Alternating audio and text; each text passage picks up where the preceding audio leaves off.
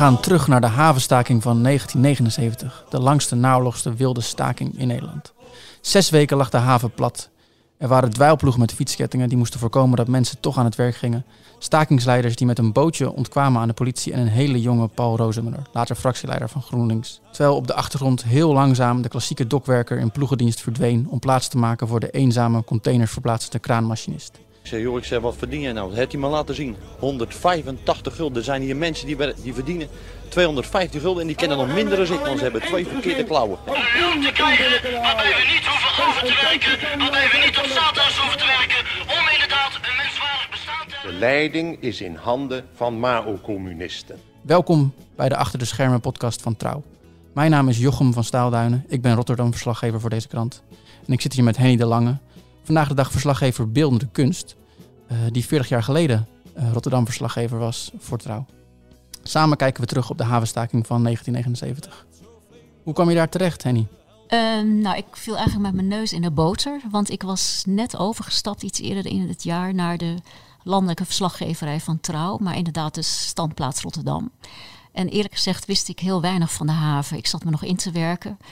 En eh, het broeide wel wat in de haven. Ik kan me nog herinneren dat ik dan koppen in de krant tikte met het broeit in de Rotterdamse haven. Omdat je voelde dat er wat stond te gebeuren. Er was onrust en... ehm, Wat voor onrust? eh, on- nou, in de zin van eh, nou, korte werkonderbrekingen soms al. En eh, geruzie met, over de CAO. Die was in het voorjaar.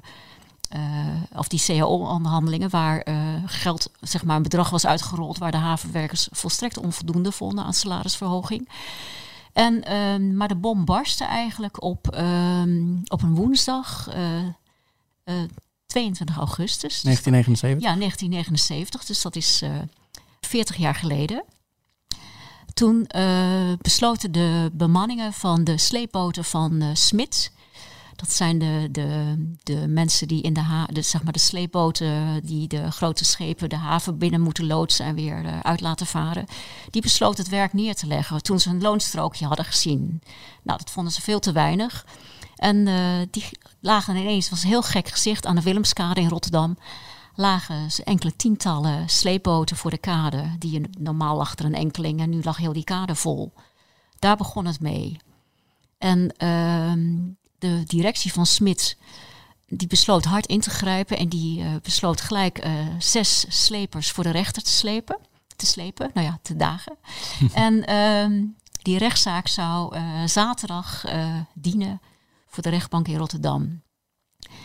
En er kwamen toen al allerlei solidariteitsbetuigingen van, uit het stukgoed, uit de stukgoedzetten van andere havenwerkers.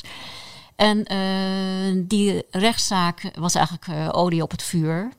Want de rechtbank die besloot dus dat die zes mensen weer aan het werk moesten.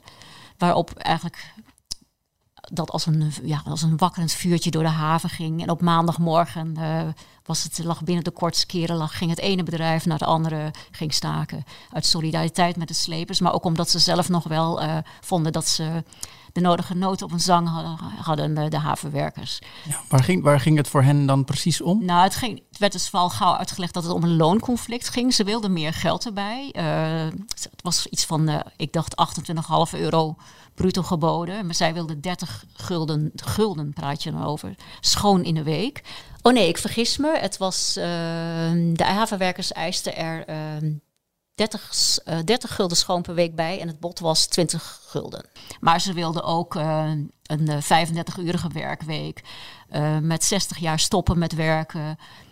een vijfploegendienst. Ze willen daar de toeslagen daarvan allemaal doorverwerkt in een salaris. En nou, kortom, ze waren dik ontevreden, maar er speelde meer in de haven. Eh, met name dat ze, eh, de stukgoedwerkers zagen dat het werk minder werd Ja, wat is stukgoed? stukgoed, dat, ze, eh, eh, dat is, ik wist dat toen ook niet, maar daar was ik binnen de kortste keren wel achter. Dat zijn zeg maar alles wat niet, niet per container werd vervoerd. Dus balen, kisten, kratten, zakken. En die moesten dan, van, heel arbeidsintensief was, die, moesten dan, die lagen dan in het ruim van een schip. En dan stonden dan bijvoorbeeld zes havenwerkers in de, in de, in de, in de, in de, in de put, noemden ze dat, het ruim van het schip. En dan moesten ze, die balen moesten in een soort takels omhoog, in, in een hijs, uit het schip. En uh, er konden ze op, op zich wel heel veel werk verstouwen op een dag. Maar je snapt als al die zeg maar, uh, kilo's uh, balen en kratten in een container worden gestopt, dat het iets sneller gaat. Dus dat is een soort omslagpunt ja. in die haven. Die ja, staking. ik denk dat die haven of die staking echt een belangrijk moment in de geschiedenis markeert. Um, daarna is het heel hard gegaan. dat, dat stuk goed. Toen werkte er denk ik nog iets van 8000 van de 13.000 havenwerkers of kunnen het ook iets meer zijn geweest, in het stuk goed. Maar daarna is dat in hoog tempo gaan afkalven. En terecht, denk, of begrijpelijk denk ik, want ik denk als dat niet was gebeurd, die opmars van de container, was het helemaal slecht gelopen met de haven van Rotterdam. Maar zie dat maar uit te leggen aan mensen die gewoon met een hele ziel en zaligheid werken. Het was een andere tijd hè, voor de haven. De haven lag toen nog midden in de stad. Ja, dat was ook wel, dat is het verschil met nu. Moet je ongeveer 50 kilometer rijden vanuit het centrum van Rotterdam om iets van havenactiviteiten te merken op de Maasvlakte of in de Botlek met de olieopslagtanks en de chemicaliën. Maar toen had je gewoon uh, ja, relatief dichtbij de Waalhaven, maar ook, ook nog bij de Maashaven. Je zag overal. Dus het was heel zichtbaar. Ja, ja. En, eh, en die sleepboten sowieso, die lagen hier dus echt voor de kade. En die zag je in, aan en afvaren. Dus het was gewoon, die haven was echt, zat nog in de stad. Want je hebt veel later pas gehad dat, zeg maar, die op, de zuidelijke oever van Rotterdam, dat havenbedrijven daar weg gingen trekken naar de Maasvlakte dichter bij zee. Wat nu eigenlijk zeg maar de kop van Zuid is geworden, waar heel veel is gebouwd. Maar in die tijd was dat echt allemaal nog havengebied. Ja, ja, ja. en speelde dit voor, was deze haven ook, eh, staking ook relevant voor heel Nederland? Je had toen een tijd een beetje dat de bonden inzetten op loonmatiging. Ook om werkgelegenheid te sparen. Dus dit stond er eigenlijk een beetje haaks op de op wat de bonden willen. En dat verklaart ook de, de felheid waarmee uh, de havenwerkers reageerden op de vervoersbonden, die in hun ogen uh, uh, ja, hadden verzaakt bij de CAO-onderhandelingen. Um, nee, ik, ik denk dat ze juist niet zo, in eerste instantie misschien wel, maar dat ze niet zoveel goodwill hadden in, in de rest van Nederland. Uh, ook omdat ze, daar hebben de media ook wel een rol in gespeeld. Ook vaak op een allernegatiefst in beeld werden gebracht met ja, bij voorkeur pikten ze dan havenwerkers uit met een stevige bierbuiken, eh, grof in de mond. En, uh, en Flip Schultz, een van de stakingsleiders, die uh, had wel humor, maar die kon ook ontzettend ja, grof uit de hoek komen. Dus die, werd dan, die zag je dan op het journaal roepen van vuile klerenleiers. En dat waren dan de, en de grootkapitalisten. die hadden die, die staking veroorzaakt. En ik denk dat dat toch in het bedaagde Nederland uh, behoorlijk hard aankwam. En, wat, en dat werd nog versterkt. Er waren natuurlijk al allerlei ja, extremistische elementen die afkwamen op die staking. Die denk ik ook niet echt populair waren. Dus ik denk over het algemeen dat ze niet zoveel uh, goodwill hadden. Ja. Uh, en wat nog eigenlijk, denk ik, de havenwerkers heeft gesterkt in het feit dat ze, dat ze moesten knokken voor hun baan. Dat ze alleen zich geïsoleerd en alleen voelden. Wat zijn je eerste herinneringen aan die uh, staking 40 jaar geleden, toen je daar rondliep als uh, jonge verslaggever van 25? Uh, nou, ik vond het heel spannend, want ik kende die haven natuurlijk niet goed. Dus mijn eerste herinneringen zijn wel die, dat rijtje sleepboten dat voor de kade lag. En daarna, toen op maandag die stakingen waren echt begonnen, was er dus op dinsdagmorgen vroeg, om een week of ergens voor negen, was er dus een grote manifestatie belegd op het Afrikaanderplein. Uh, en daar zouden het. In, uh, in Zuid is dat op de kop van. Uh, ja, ja, het is in Zuid, ja, ja. Vrij dicht bij de Maashaven. En de, dus een beetje op de route van, van de havens naar de stad. En daar in die buurt woonden denk ik ook veel havenwerkers. Maar goed, dat was. En je had daar ook een, een soort buurthuis, Sarto heette dat. En dat werd dus tot actiecentrum gebombardeerd. En uh, er was, bij de slepers was al een soort woordvoerder, Cor van der Zanden, dat was een communist. Maar er kwam uh, George Klaassen nog bij, dat was een botenbaas uit de haven. En, botenbaas? Uh, een botenbaas, dat was iemand die dus eigenlijk het werk een beetje verdeelde over de boten. Dat werd een botenbaas genoemd. Het was een wat oudere man die niet zozeer op de voorgrond is getreden, maar denk ik wel iemand die op de achtergrond uh, mm -hmm. touwtjes strak in handen hield. En Jim Stavinga en Flip Schultz, die kwamen ook uit de haven. Schultz was ook een communist. En uh, Stavinga, die was van zo'n ja, marxistisch-leninistische splintergroepering. dus, dus het, waren wel, het waren wel die extreme Ja, het waren extreme. Ja, ja, ja. Het waren dus. En Dus die werden dan de, de woordvoerders en die gingen daar dus... eh, ik weet nog wel, ik was vroeg gegaan. Ik denk al om een uur of acht. Helemaal nerveus ook een beetje van eh, wat kan ik daar verwachten. Nou, ik wist al niet wat ik zag toen ik aankwam. Zoveel mensen stonden er. Duizenden? Ja, duizenden. Ik, echt de eerste keren wel, eh, wel drie, vierduizend man daar stond of zo. Ik, ja, ik heb het kan niet precies tellen natuurlijk. maar dat was echt gewoon overweldigend. Dan ben ik al een beetje bang voor grote mensenmassa's. Dus ik ben eh, er omheen gelopen tot ik dan een beetje vooraan kwam. En ehm, nou, da- daar werd dus ehm, om negen uur begon dat eh, met een toespraak. Ik meen me te herinneren dat het Stavinga was. En Flip Schultz, die wisselden elkaar af. En die gingen dus de mensen lekker opzwepen van... jongens, eh, zijn we klaar voor de strijd? En er is een oorlog die we moeten winnen. Dat soort kreten. En de oorlog aan de kapitalisten en het grote kapitaal. En eh, ja, we moeten ook eh, natuurlijk zorgen dat iedereen aan onze kant staat. En er waren natuurlijk ook werkwilligen. En dus daar, dat was een woord dat ik toen voor het eerst hoorde. Er werden er dwelploegen geformeerd. En ik dacht, wat is dat? Maar dat was dus letterlijk om werkwilligen van de haventerreinen te dweilen. Eh, is, gingen ze niet goed schiks dan ook hardhandig?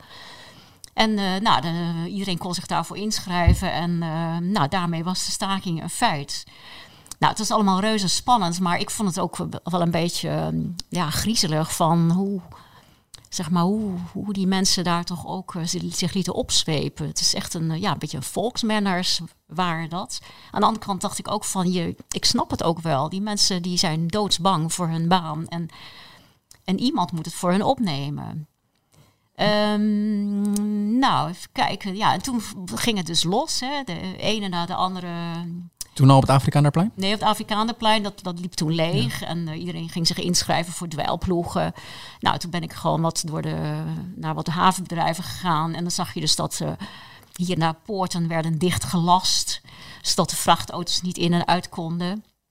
En eh, werkwilligen, eh, ja, die werden gewoon eraf gemapt als ze niet wilden. Maar de meesten kozen wel eieren voor geld.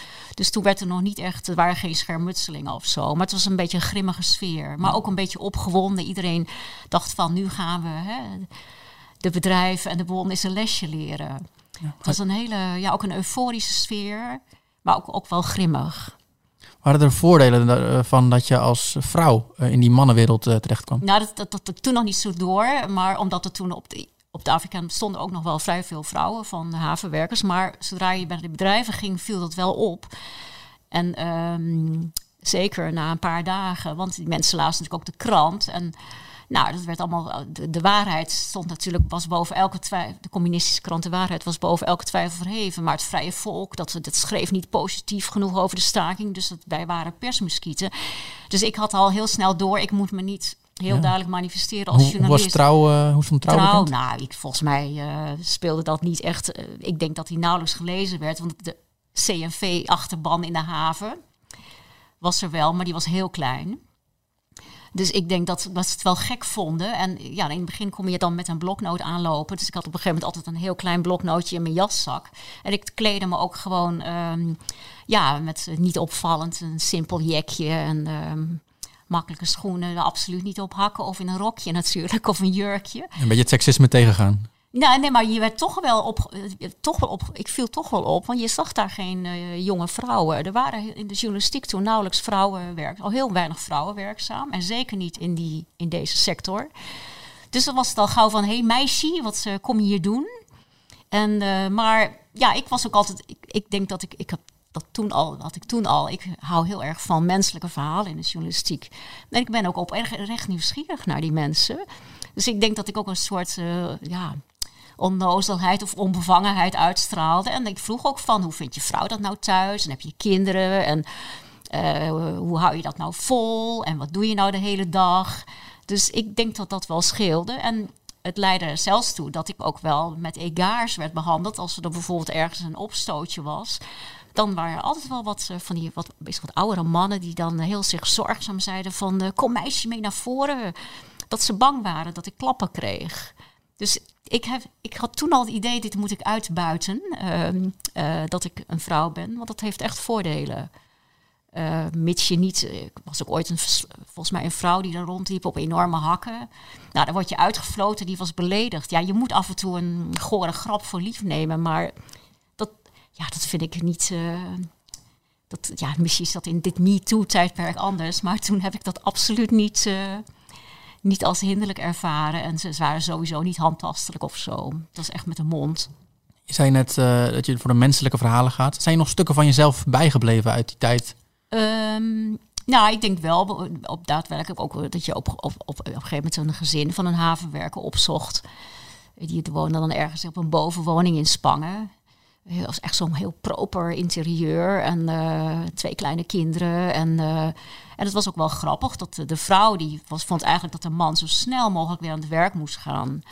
En hij, eh, hij had zoiets van, ja, ik, het gaat om het principe. Ik zou ook wel liever werken, maar als we nu niet staken, als we nu niet doordrukken, dan ben ik straks mijn baan kwijt.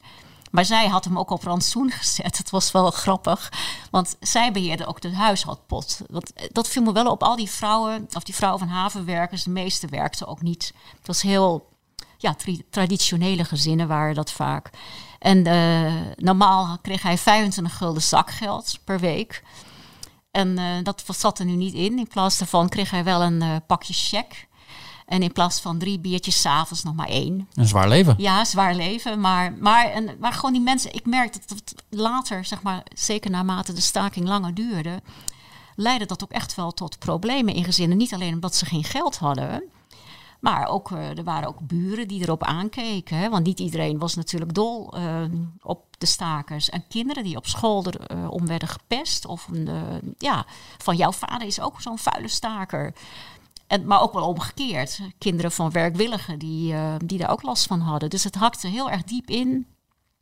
Zeg maar ook in families. Hè, waar, ook scheidingen doorheen liepen. eh, splitsingen. De een wel stakersminded, de ander niet.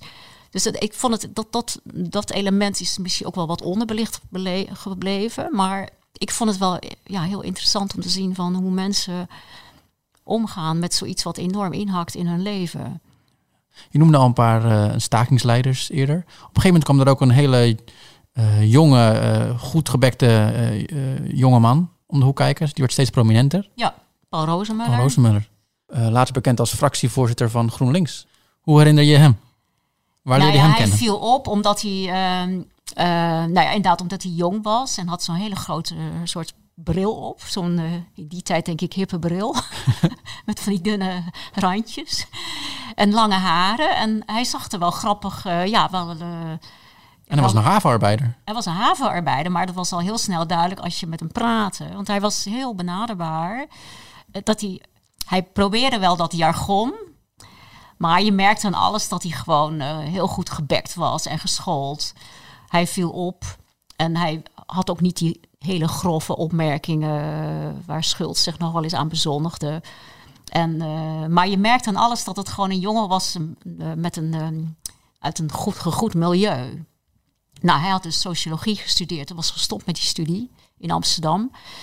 Omdat hij dus echt heilig, heilig geloofde in de communistische heilstaat. Daarvoor is hij, schijnt hij zelfs naar Albanië te zijn geweest om daar te, dat te bestuderen. En toen kwam hij terug en toen is hij, heeft hij zijn studie opgezet, is hij in de haven gaan werken.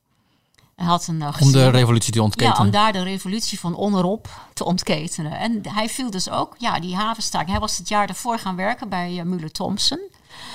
En, eh, en later heeft hij wel gezegd dat het werk was heel zwaar. Maar goed, hij deed het voor het, het ideaal eh, wat, hij voor, wat hem voor ogen stond.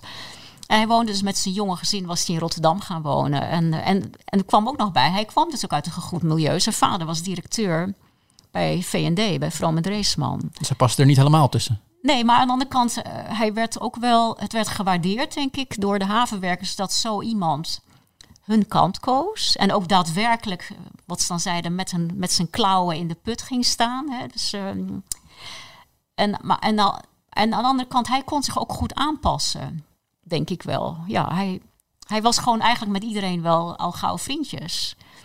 Ook, ja, de media praten ook graag met hem, omdat je gewoon, er kwamen in ieder geval toch wel eh, fatsoenlijke zinnen uit. En hij was altijd eigenlijk heel vriendelijk als je hem benaderde. Dus dat, ja, ik denk dat hij toen in het begin nog niet zo, maar je zag gaandeweg zijn rol wel eh, groeien. En ik weet natuurlijk niet wat hij op de achtergrond voor invloed had. Ik denk toch dat ze hem wel belangrijk vonden.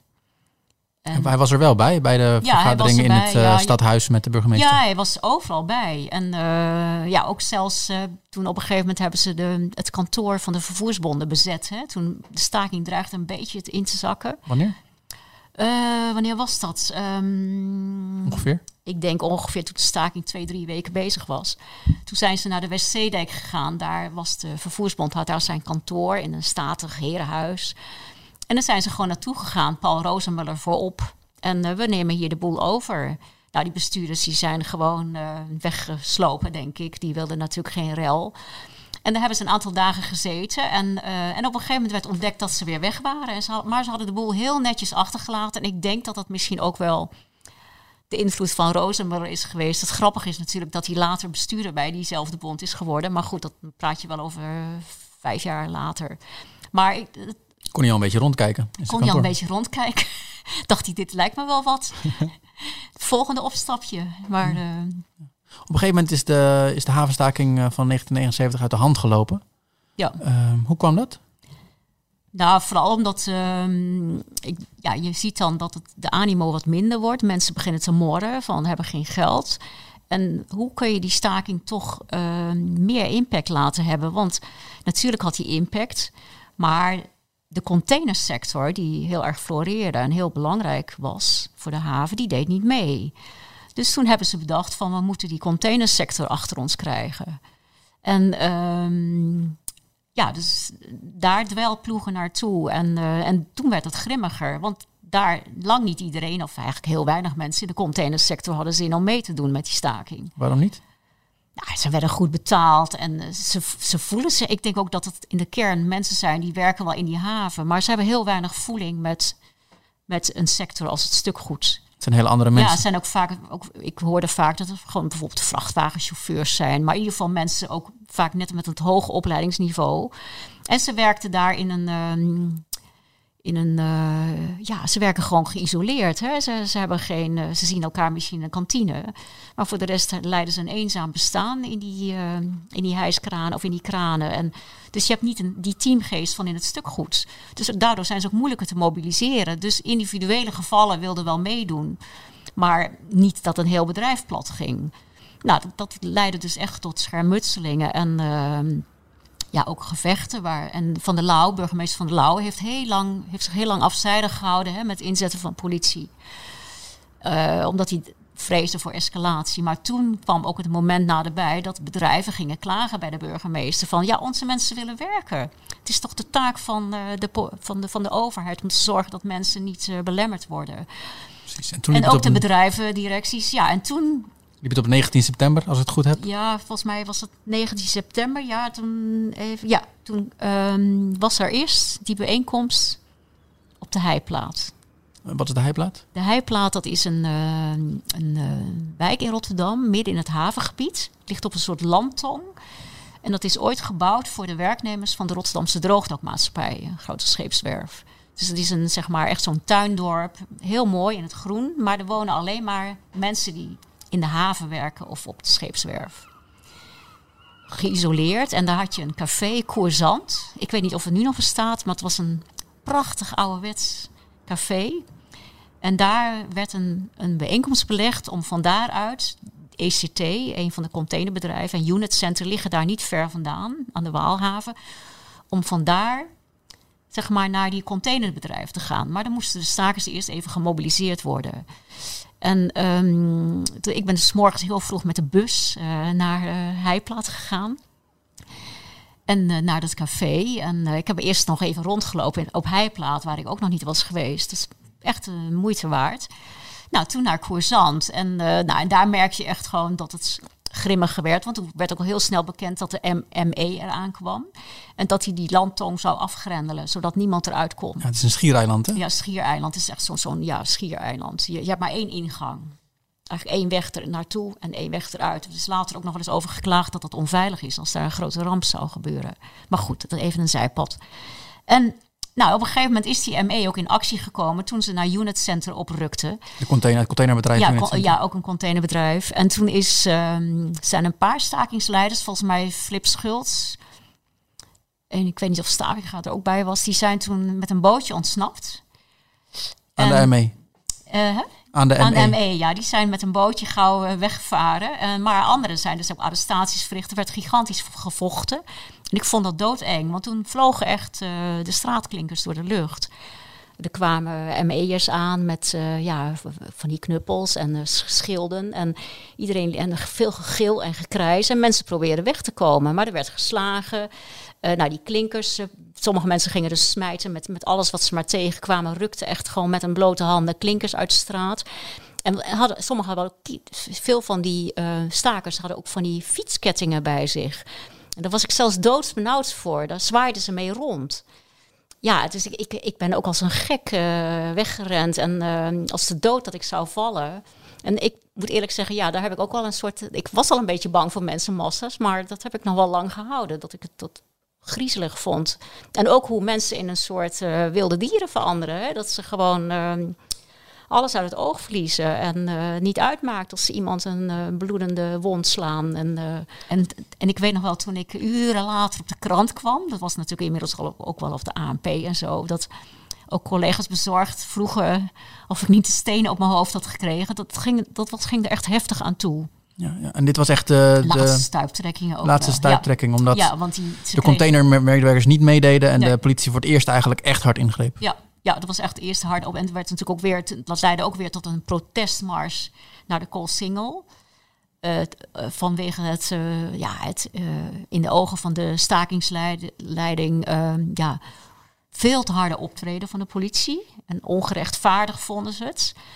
En, eh, maar aan de andere kant, de gemeenteraad heeft Van der Lauw daarin volmondig gesteund. Behalve Heiltje de Vos. Dat was ehm, het communistische raadslid. Natuurlijk. Ja, ja die, eh, die hield zich afzijdig. En, eh, maar de rest was het ermee eens dat het echt zo niet langer kon. Nou, en toen zag je ook eigenlijk wel dat het heel snel minder werd. En uh, of tenminste de actiebereidheid nam af. Mensen, ook stakers wilden werken. Die Geld was zagen, op. Ja, het geld was op. Uh, ze merkten dat er geen steun was elders in de haven. En in Nederland ook de steun enorm, voor zover die er was, afbrokkelde. Um, en ja, toen een paar dagen later, zeg maar, de, um, wanneer was het? Ik heb het even opgeschreven. Ja, op 24 september zijn ze weer aan het werk gegaan. De stukgoed uh, arbeid. Ja, de stuk goed. De slepers zijn nog iets langer doorgegaan.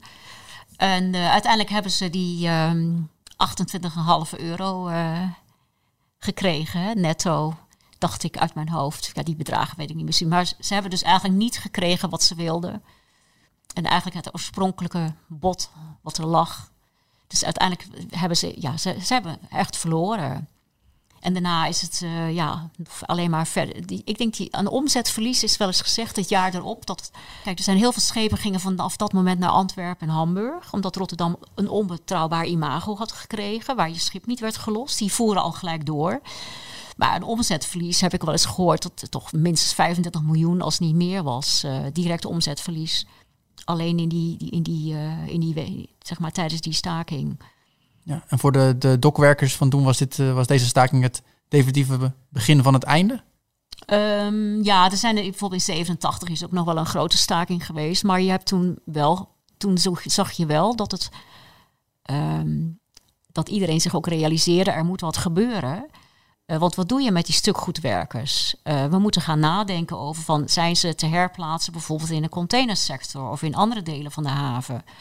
En ook bij de bonden is toen het besef ingedaald dat ze gewoon hun voeling met de mensen in de haven ook waren kwijtgeraakt. En er is toen uiteindelijk ook een hele nieuwe lichting vervoerders of bestuurders aangetreden. Met Rozemuller? Ja, Rozemuller. Dat was wel weer een paar jaar later. Maar ik denk dat uiteindelijk wel duidelijk was en ook door die staking, dat het een, um, ja, een, een kansloze missie was om dat stuk goed te behouden. Ik denk als je nu in de haven bent, dan... Uh... Zie je alleen maar containerbedrijven, ja. alleen maar containers zie je. En ik denk als Rotterdam niet had ingezet op containers, was die haven natuurlijk ten onder gegaan. Want ja, dit, maar kijk, het was ook het oude Dus het was een verloren strijd. Ja, het was een verloren strijd. Maar ik denk dat de bonden daar ook een andere rol, een prominentere rol in hadden moeten spelen om dat uit te leggen. En, uh, en gewoon, ik, ik denk dat ze waren ook wat oudere bestuurders die er al wat langer zaten. En ik denk dat ze gewoon niet, ja, of daar on, onvoldoende rekening mee hebben gehouden. Dat mensen dat niet konden volgen. maar het was een, eh, ja, dat, dat, en dat had ik ook met die, zeg maar, die marsen die er waren. Hè? Want dat, dat was ook wel, als je nou zegt over beelden die me bijgebleven zijn. Dan gingen ze echt met duizenden, gingen ze dan, kwamen ze uit de Maastunnel. Vanuit het zuiden van Rotterdam, vanuit het havengebied, naar de Koolsingel om te protesteren. En dat, dat, dat had iets heroïs, al die mannen naast elkaar. Je zegt van. eh, In uniform of werkt nee, dat niet zo? Nee, gewoon, maar ze liepen allemaal in, in van die eh, ja, werkmanskleding, noem het maar. Zagen er wat shovel uit en gewoon eh, stevige schoenen aan. ook spijkerbroeken, maar ook van die ribfluwelen. Ja, ik weet niet precies hoe dat heette, van die jacks. Eh, veel baarden, veel rokers eh, toen nog in die tijd. En die kwamen dan uit die tunnel. En ik heb, als ik dat zag, dat vond ik dat iets heroïs, maar het was ook een soort treurmars, vond ik. Van mensen die ja, op weg zijn naar iets waarvan ja, een, het, ja, het einde eigenlijk wel vast ligt. Dat het niet, eh, niet in ieder geval niet die communistische helstaat was ook. Of die, dat die, die utopische samenleving in de haven. Maar dat het alles, alles zou veranderen. En ja, en wat het het heeft meegespeeld inderdaad. Mensen hadden geen geld. Er werden op een gegeven moment ook zelfs voedselpakketten uitgedeeld door een eh, solidariteitscomité waarin vooral vrouwen zaten. En, ehm, en er- ja, ik, ik, kan me ook herinneren dat er op een gegeven moment ook in, de, in kerken wel wat gebeden voor de stakers. Maar meer in de zin van, ehm, ja, laat ze tot inkeer komen. Maar ook de werkgevers. Het werd een beetje in het midden gehouden. Maar nee, het, het ging, uiteindelijk ging het uiteindelijk toch een beetje als een nachtkaars uit. Na die heftige gevechten bij de containerbedrijven. Zou zo'n eh, wilde staking nu nog kunnen voorkomen? Ehm, nee, in deze vorm absoluut niet, denk ik. Eh, en zeker niet zo lang. Misschien kun je een keer een wilde staking van een dag hebben, maar ik, ik denk dat dat niet meer kan, omdat je hebt eigenlijk nog, je, je hebt nog wel plekken, of je hebt niet zoveel plekken meer, denk ik ook, waar mensen zeg maar in zo grote groepen met elkaar samenwerken.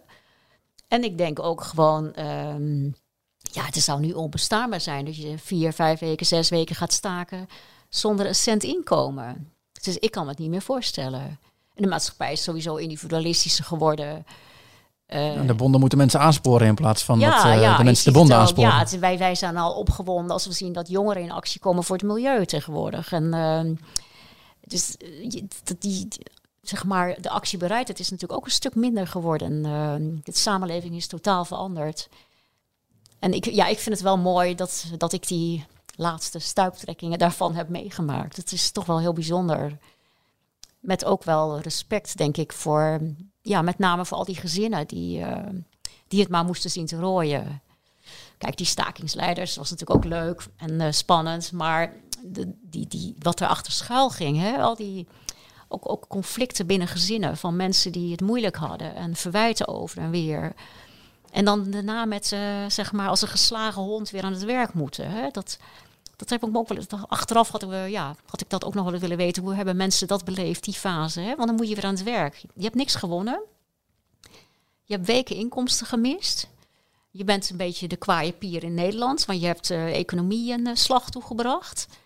En dan ook nog het vooruitzicht dat je baan uiteindelijk verdwijnt. Dus het is, het, het, ja, het is een soort tragedie uiteindelijk, denk ik. En voor jou zelf is het cirkel ook weer rond nu, hè, na 40 jaar. Ja, het is wel bizar. Ehm, ik, eh, ik moet volgend jaar met pensioen. Eh, Helaas. ja, helaas hebben de bonden bedacht dat ik vier maanden, dat wil ik graag nog even kwijt, korter mag werken of moet werken. Want ik zou met 66 jaar acht maanden, maar dat is vier maanden geworden. Eh, maar we hebben, eh, ik, ik ben later naar de kunstredactie gegaan. Ik heb een heerlijke tijd gehad bij Trouw. En ik vind het fantastisch dat nu de cirkel inderdaad weer rond is. Nu met een jonge verslaggever in Rotterdam... die zich zit te verdiepen in Rotterdam en de haven... en op een dag roept... hey, weet je wel dat het 40 jaar geleden is... dat de havenstaking, de wilde havenstaking uitbrak? Nou, ik ging gelijk allemaal herinneringen ophalen... verhalen vertellen, in mijn archiefje snuffelen... En toen zo rees het idee van ja, dat kunnen we natuurlijk niet ongemerkt voorbij laten gaan. Natuurlijk. Dus ja, de cirkel is weer rond. Hartstikke mooi. Daarmee zijn we aan het einde gekomen van deze Achter de Schermen podcast van Trouw. Henny de Lange, hartstikke bedankt voor je toelichting. Dat heb ik heel graag eh, gedaan, eh, Jochem. Wilt u nou nog meer podcasts van Trouw luisteren? Kijk dan op trouw.nl slash podcast. Bedankt voor het luisteren en tot een volgende keer. Hullo maar te rammen voor Van der Lauw. Je slaat een arbeider op zijn kop. Wat schiet je daar potverdomme mee op? Wat schiet je daar potverdomme mee op? Wat schiet je daar potverdomme nou mee? Oh en nee,